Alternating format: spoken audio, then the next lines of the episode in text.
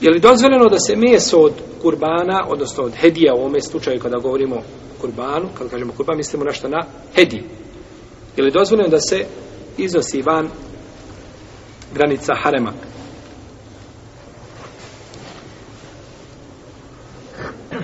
Ono što hađija kolje na hađu dijeli se u tri vrste. Prvo, kolje nešto što je vezano za obrede kao što je onome ko obavlja temeto i ko obavlja kiran. On kolje, znači, žrtva.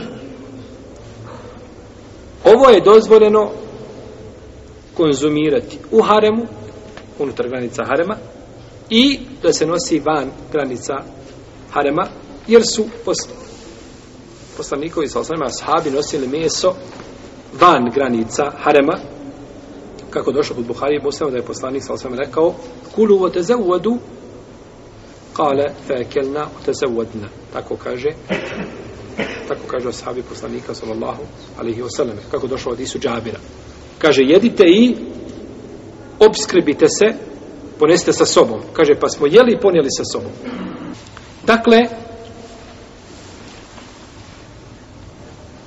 ova prva vrsta hedija a to je obavezni hedij koji je vezano za temeto i za kiran on se može znači konzumirati imamo drugo E, što je kao iskupina radi uklanjanja neprijatnosti ili kada čovjek učini što je zabranjeno da se čini u ihramima ili kada ostavi vađib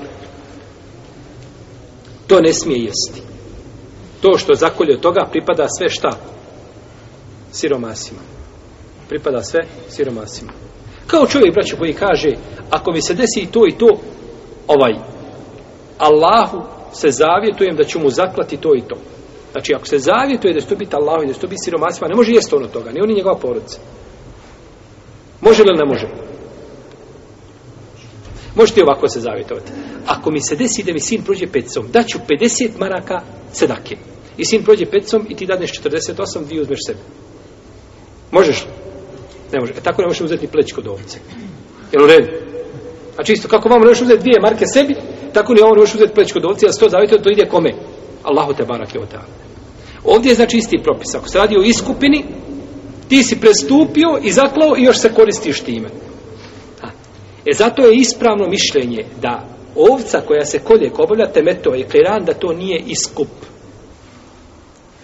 Jel u redu? Znači, ova vrsta ne jede se. Ovu vrstu, znači, hedija, ko zakolje, ne jede.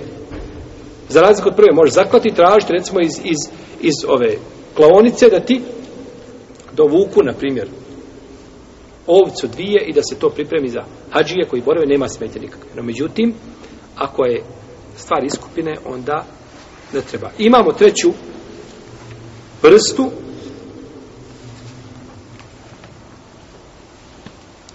koja je, se tiče čovjeka koji može klati, znači, tu žrtvu i mimo harema. Kao čovjeka koji je sprečen, znači, da nastavi sa hađskim obredima, ali hsar,